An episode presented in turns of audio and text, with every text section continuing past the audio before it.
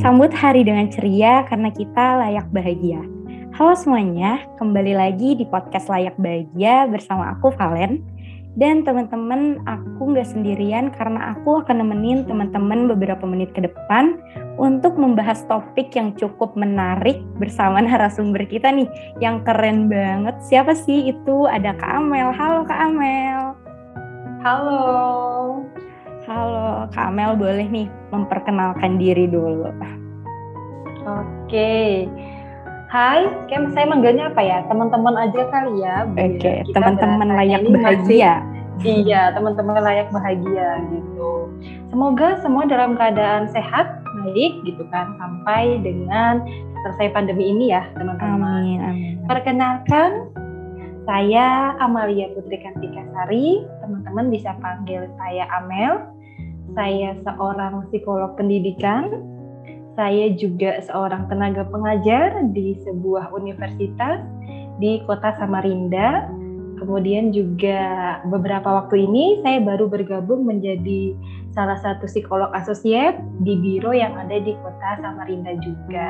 Hmm. Itu kali ya untuk perkenalannya. Oke, salam kenal ya Kak Mel. Salam kenal. Oke, jadi hari ini kita akan ngebahas uh, tentang sending virtual hugs merangkul yang berduka secara virtual, teman-teman. Jadi kayak yang teman-teman tahu, berduka maupun kehilangan itu kerap ya kita dengar dari orang-orang di sekitar kita Apalagi semenjak virus COVID-19 ini muncul, memuncak, dan menjatuhkan banyak korban. Jadinya tuh rasa duka tuh kayak menyelimuti banyak orang yang kehilangan sanak saudara, sanak keluarganya, maupun orang-orang yang mereka cintai. Dan mungkin banyak juga ya faktor lain dari penyebab rasa duka itu sendiri. Kalau menurut Kak Amel nih, dari rasa duka itu sendiri itu sebenarnya ada tingkatannya nggak sih Kak? Oke, sebelum kita masuk nih ya ke tingkatan eh, rasa berduka itu, mungkin kita perlu tahu dulu sebenarnya definisi dari berduka itu seperti apa sih teman-teman gitu kan. Nah, berduka itu menurut salah satu psikiater yang pencetusnya dari grieving ini itu namanya eh, Elizabeth Kubler-Ross. Beliau menulis buku ini tahun 54 teman-teman. Nah, beliau ini yang menjadi pencetus tuh kenapa ada grieving, kemudian bagaimana stasenya atau tingkatan-tingkatannya. Nah, biasanya dari teori beliau inilah kita sebagai uh, psikolog atau psikiater itu menjadikan baseline atau dasar ketika kita ingin menganalisis bagaimana sebenarnya perilaku orang-orang yang sedang berduka. Nah, menurut beliau ini sebenarnya berduka itu apa sih? Gitu kan. Hmm. Nah, berduka itu adalah kehilangan atas kematian, teman-teman. Dari kehilangan itu timbullah luka. Nah, luka ini yang menjadi penyebab kenapa jadi orang itu meresponnya berbeda-beda. Gitu, teman-teman. Nah, eh, kita udah kenalan nih tentang definisinya dulu, ya kan? Kita masuk tuh ke pertanyaan dari uh, Kak Valen tadi, ya kan? Sebenarnya ada nggak sih tahapan-tahapannya orang berduka gitu kan? Atau berapa banyak? Atau seperti apa gitu kan? Jawabannya ada gitu. Kita mulai dari tahapan yang pertama ya, teman-teman. Itu ada yang namanya penyangkalan atau biasa disebut dengan denial. Nah, itu tahapan yang paling pertama dirasakan ketika seseorang itu berduka di sini respon apa yang muncul teman-teman? Yang pertama itu ada shock, terkejut, kaget, gitu. Di mana seseorang itu dia menolak, dia menolak terhadap kenyataan atau realita yang sedang terjadi. Itu seperti apa prosesnya? Nah, kalau kita tarik di proses bagian otak kita itu ada namanya amigdala. Nah, di sini amigdala itu menjadi prefrontal uh, cortex pada saat seseorang itu mengalami kesedihan. Nah, jadi muncul nih dorongan dari kita itu untuk menyangkal, untuk melindungi diri dari sebenarnya berita duka yang kita dapetin, gitu kan. Oh, Maka, uh -uh, makanya nggak heran nih, gitu kan. Ada kalimat yang muncul gini, coba perhatikan. Enggak, ini tuh nggak mungkin terjadi.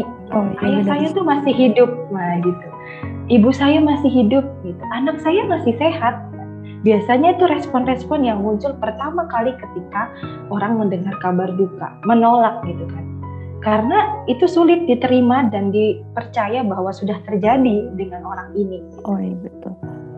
Nah, habis itu biasanya orang-orang yang kayak gini ini kan dia menolak ya. Gitu. Ada perasaan emosi lanjutan yang muncul yaitu marah atau kita bisa sebutnya dengan anger, gitu kan, emosi marah.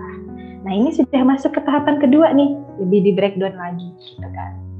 Nah orang-orang yang sudah menyangkal, kemudian dia marah, teman-teman. Kenapa coba kalau orang ini tuh marah? Karena apa? Tadi dia belum bisa kan menerima, Menerima. keadaan, uh, penerimaan keadaan yang sedang terjadi saat ini, gitu. Dia belum bisa mengakui bahwa ini benar, ini nyata. Jadi dia marah. Nah, emosi marah tadi itu dia lampiaskan ke berbagai target.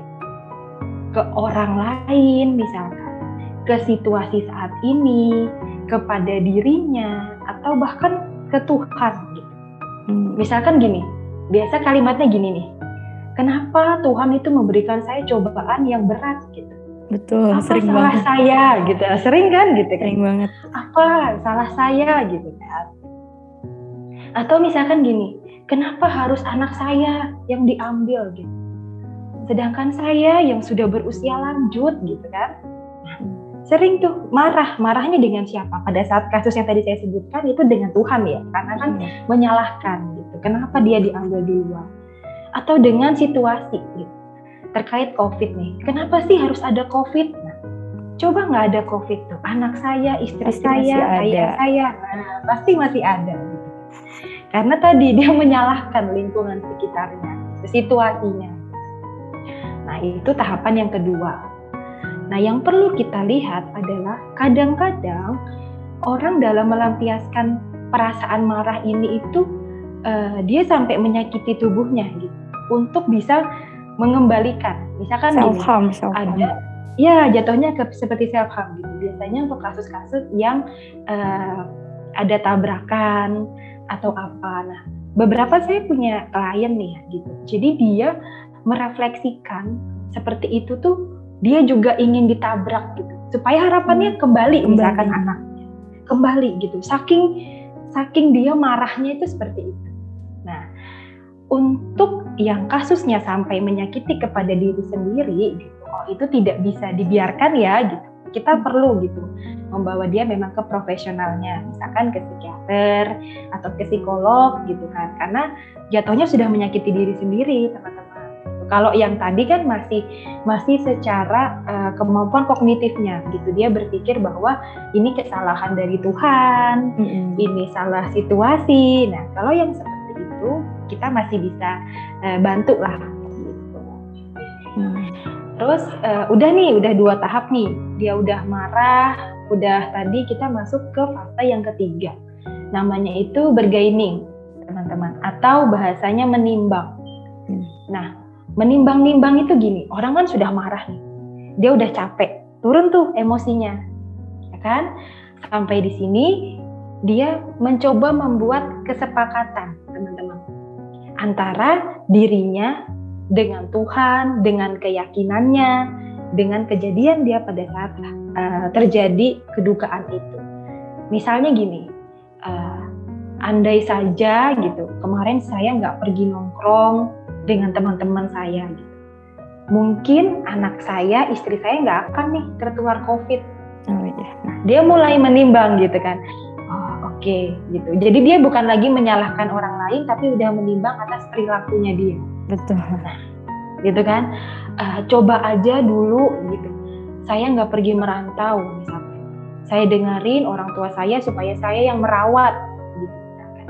nah jadi dia mulai menimbang-nimbang oh mulai merenung gitu kejadian-kejadian masa lalu yang seharusnya itu tidak perlu dia ungkit tapi diungkit sebagai bentuk penyesalan Penyesalan. Nah, karena kan sudah terjadi ya gitu dia menyesal karena waktu kan tidak bisa diulang ya Diulang. teman-teman waktu pasti akan berjalan gitu.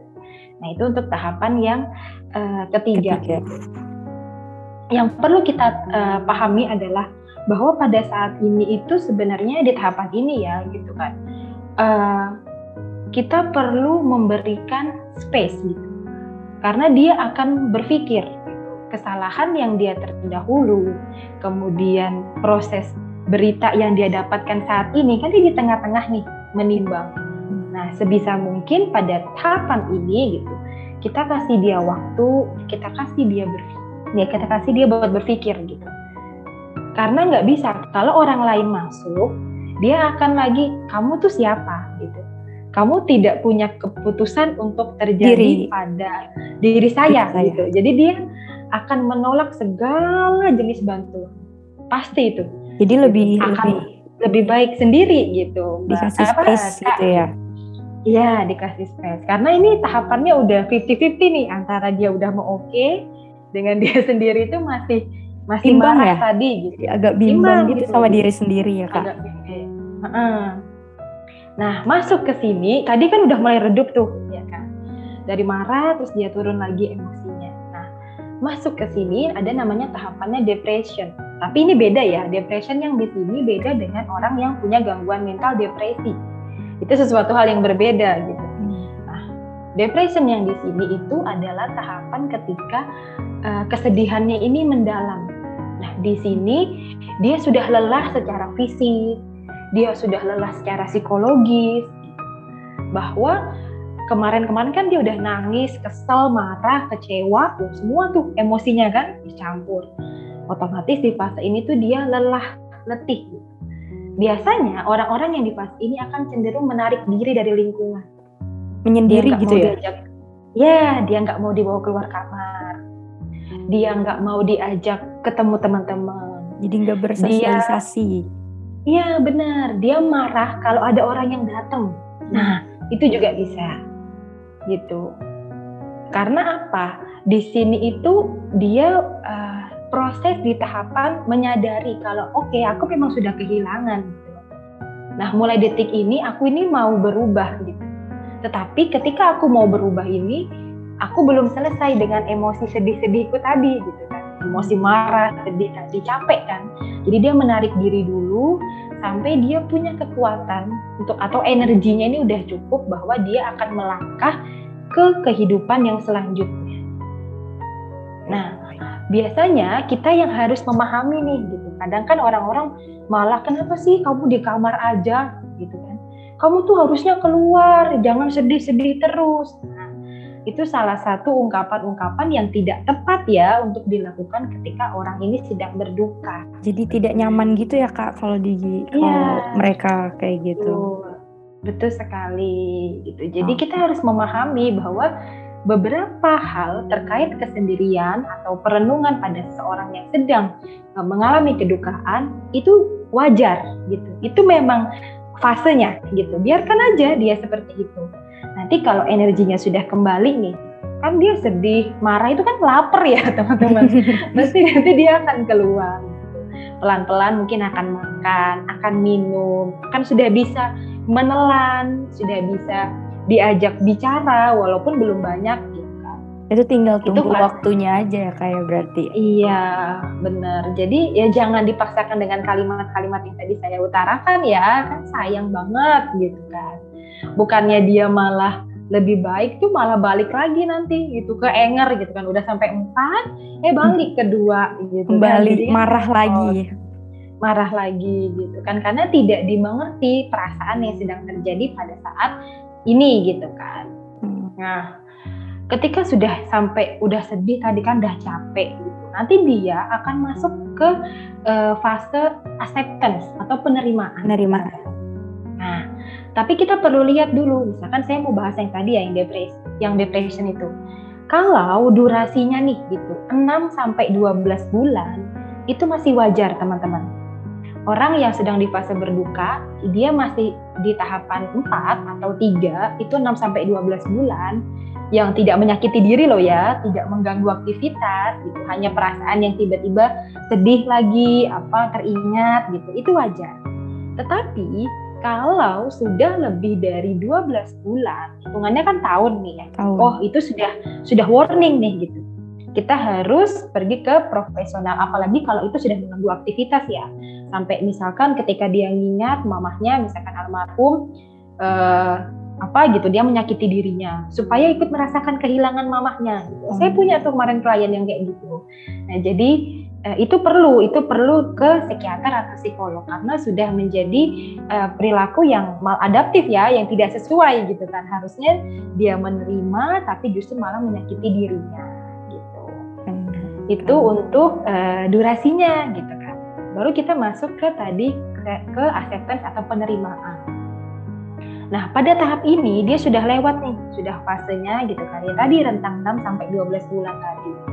Di sini seseorang itu sudah lebih menerima, tapi bukan menghilangkan seutuhnya ke kenangan atau yang sebelum-sebelumnya gitu. Jadi dia baru di tahapan yang oke, okay, ini sudah benar terjadi, saya harus melanjutkan kehidupan, saya harus move on, hmm. saya harus punya target lagi ke depannya gitu kan. Itu sudah di fase yang siap menerima gitu. Tapi dia hmm. belum hilang gitu. Belum hilang banget karena kan namanya kehilangan tidak mudah ya. Iya, teman-teman itu uh, butuh memang benar-benar kesiapan dari fisik iya dari psikis iya gitu. Jadi tapi kita perlu menghargai ketika orang sudah mau oke okay, aku habis ini mau menyusun apa ya itu bisa kita bantu sebagai support system untuk lingkungan eh dari lingkungan sekitar. Oke. Okay. Nah, gitu. Itu sih tahapan-tahapannya ya, gitu kan. Ada lima yang bisa kita analisis sedikit demi sedikit, kak. Oke, okay, gitu. terus sekarang pertanyaan kedua nih kak. Tadi sebenarnya masih nyambung sih sama yang sebelum-sebelumnya tadi udah dijelasin. Sebenarnya uh, kita nih, misalnya kita sebagai orang asing atau bahkan kita sebagai teman ini uh, memberi sikap dan tindakan yang benar-benar kan harus memberi sikap dan tindakan yang benar-benar uh, tepat gitu ya. Nggak boleh apalagi sama orang yang sedang berduka tuh nggak boleh salah kaprah ngasihnya. Nah menurut kakak sikap dan tindakan yang paling tepat tuh gimana sih kak? Sebagai orang asing yang pertama. Terus yang kedua kalau untuk sebagai teman bagaimana? Oke sikap kita gitu kan ya terhadap orang-orang yang uh, sedang berduka. Kita bagi dulu ya. Yang pertama itu adalah jika kita sebagai orang asing yang pertama adalah saya bisa kasih contoh tidak grief comparison. Gini mengkompar sebagai ya mengkompar gitu. Tingkat kedukaan saya misalkan dengan Valen gitu itu berbeda gitu. Mungkin menurut Valen nih kehilangan uh, kucing misalkan gitu itu hal yang biasa aja gitu kan Ya, Tapi bisa jadi menurut saya kehilangan kucing yang selama ini menemani saya sehari-hari gitu kan, yang mengisi kesepian saya dan sebagainya itu sangat mendalam. Gitu. Nah, kebanyakan orang ketika melihat orang yang berduka terlalu lama atau sedang berduka itu muncul eh, kalimat-kalimat uh, yang saya sedikit agak sedih gitu ya Ih, itu loh, cuman kayak gitu aja. Iya, itu sering banget ya. Orang ngomong sering cuma gitu ya. aja. Itu kan beda-beda nah, rasanya itu. Nah, cuman gitu aja saya dengan kamu dan ABC orang itu berbeda gitu kan. Nah, itu yang paling dasar dulu deh kita tahan gitu kan. Supaya tidak membandingkan kedukaan kita dengan orang lain. Nah, kemudian yang kedua adalah kita perlu memahami yang tadi saya bilang, tahapan-tahapan orang berduka itu seperti apa. Jangan orang masih marah disuruh yang sabar ya. itu sering banget ya kak. Itu sering banget. Sering. Kita coba yang ya. berduka jadi pasti jadi lebih, aduh tolong deh diem aja mendingan gitu. gitu ya. Ya, kadang kita maksudnya baik nih ya gitu kan. Memberi support gitu kan. Sabar ya yang kuat gitu. Lawang dia saja menolak kan gitu. Masa mau disuruh sabar? Itu kan nggak sesuai gitu kan. Jadi harus paham dulu nih orang yang berduka itu tuh tahapannya apa. Makanya kita penting gitu. Tahu dulu kan oh dia lagi marah, lagi butuh waktu untuk sendiri gitu kan. Lagi ingin menangis, lagi ingat lagi ingin mengingat, ya silakan gitu. Kasihlah gitu waktunya. Itu yang kedua. Kemudian yang ketiga gitu, yang sering sekali saya uh, apa ya, ganangkan gitu kan tolong ucapkan kalimat yang sesuai dengan situasi pada saat ini. Contohnya tadi, lagi sedih, jangan disuruh sabar gitu kan. Gitu.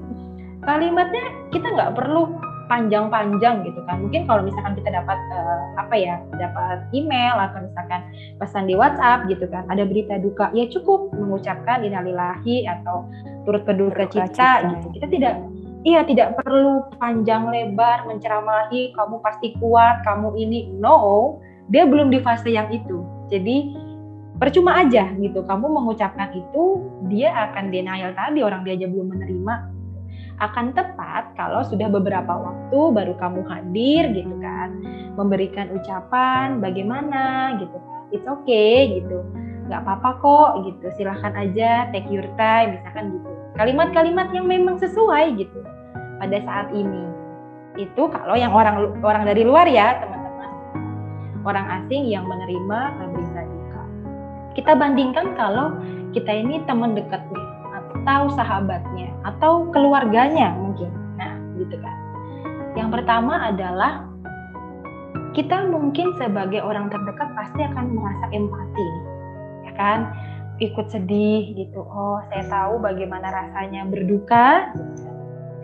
Kita boleh berempati, kita boleh bersimpati, tapi kita tidak boleh ikut merasa depresi. Ya, beda kan ya gitu. Kita boleh berempati, kita boleh bersimpati, tapi tidak boleh merasa depresi.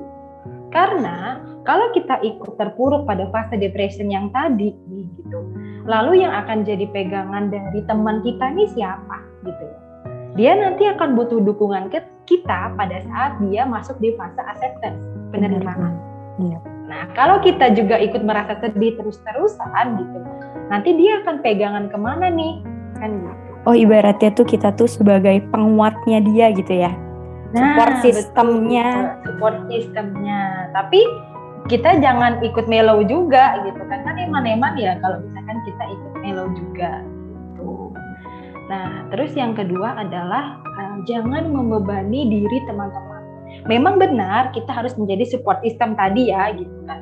Tetapi kita harus juga memberikan keyakinan, kesempatan kepada dia bahwa dia harus menyembuhkan atas dirinya sendiri. Gitu.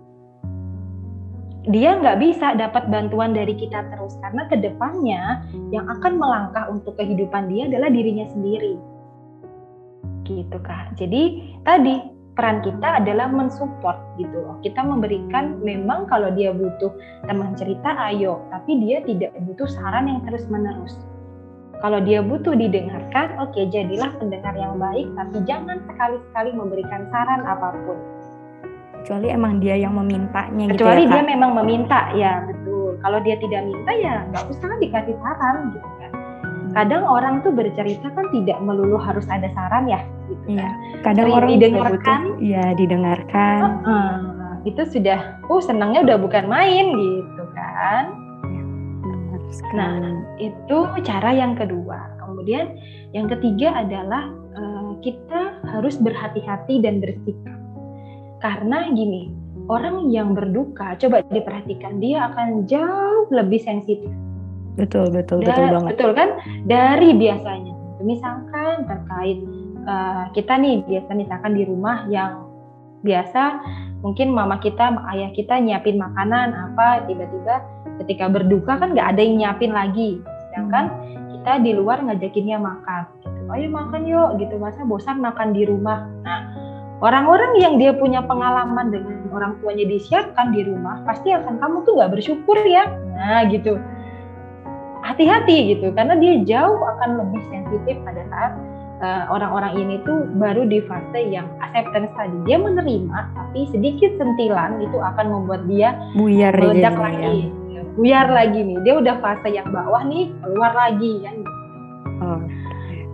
nah terus yang paling penting nih gitu. Kita sebagai temannya itu menyadarkan dia gitu bahwa masih banyak loh yang sayang sama kamu gitu kamu memang kehilangan satu orang, tapi percayalah Tuhan itu tidak akan mengambil seseorang, tapi dia pasti akan menggantikan kamu dengan orang yang lebih baik. Lebih baik. Atau kamu dikenalkan dengan lingkungan yang lebih baik. Nah, gitu. Benar. Supaya dia sadar bahwa kehilangan seseorang atau kehilangan orang yang dia rasa dekat itu tidak akan meruntuhkan dunianya. Nggak akan nih jadi hitam gitu kan nggak akan jadi sendu gitu. Karena orang-orang di sekeliling dia itu masih ada masih lengkap kok gitu masih memberikan kok gitu. Hmm. itu kuncinya. Oke jawaban Kak Amel benar-benar sebenarnya pertanyaan aku pertanyaan aku cukup banyak tapi jawaban Kak Amel benar-benar menjawab langsung semua pertanyaan aku padahal pertanyaannya baru baru dua ya tadi tapi benar-benar menjawab semua pertanyaan aku oke okay. langsung jadi banyak ya jawabannya gitu. mantap banget Kak Amel oke okay. ini pertanyaan terakhir dari aku dari layak bahagia kalau untuk Kak Amel sendiri menurut Kak Amel apa sih hmm. arti bahagia itu sendiri? Wah, agak filosofis ya pertanyaannya gitu. Dari yang tadi berduka nih gitu kan. Sekarang kita pindah ke uh, arti definisi dari bahagia. Kalau dari saya sendiri bahagia itu bentuknya tingkatan seperti tangga. Teman-teman itu. Kenapa saya bilang gitu? Karena bahagia itu dimulai dari ketika saya bisa kumpul dengan keluarga gitu kan. Itu bahagia yang pertama buat setelah dari keluarga bahagia itu ketika saya bisa bercerita nih dengan teman-teman semua dengan orang banyak gitu kan. Jadi membawa pengaruh-pengaruh positif buat lingkungan saya. Itu sudah bahagia buat saya. Lanjut ke ketika saya punya potensi gitu kan. Saya merasa saya mampu saya bisa bagi-bagi ilmu, saya bisa sharing dengan orang lain gitu kan. Itu juga bahagia buat saya gitu. Jadi semakin ke atas gitu kan. Dari pondasi dari rumah ke teman, kemudian potensi yang saya punya gitu. Sampai saya bisa bagi-bagi sama orang lain gitu kan. Yang terakhir nih gitu kan. Uh, bahagia itu adalah ketika saya jadi diri saya sendiri. Bahagia itu ketika saya merasa saya layak dicintai, saya layak dihargai gitu. serta saya bisa sehat seutuhnya. Oke. Nah, itu itu tingkatan kebahagiaan menurut saya ya gitu. Jadi karena nggak ada eh, nggak ada apa ya baku gitu kan bahagia itu seperti ini bahagia ini orang lain mungkin makan dan minum itu bahagia gitu kan menyenangkan gitu mengenyangkan perut gitu tapi kalau saya itu lebih kepada bahagia itu kamu tahu apa yang kamu punya dan kamu tahu apa yang bisa kamu berikan kepada orang, orang lain. Betul. Oke. Okay. Gitu teman-teman semua. Aduh jadi kayak bijak banget ya saya di sini. Tapi keren banget Kak Amel. Oke, berarti karena semua pertanyaan sudah kejawab dengan jawabannya keren banget aduh benar-benar speechless saya dengernya ya. Jadi banyak belajar juga kalau misalnya nanti suatu saat nanti uh, ada teman atau siapa pun yang berduka, jadi saya tahu gimana cara menyikapinya. Oke, terima kasih banyak ya Kak Amel untuk waktunya, untuk uh, mau kasih waktunya buat uh, podcast bareng Valen di layak bahagia ini. Oke. Oke semuanya, terima kasih udah dengerin karena aku, kamu, dan kita layak bahagia. Dadah semua. Terima kasih banyak semua.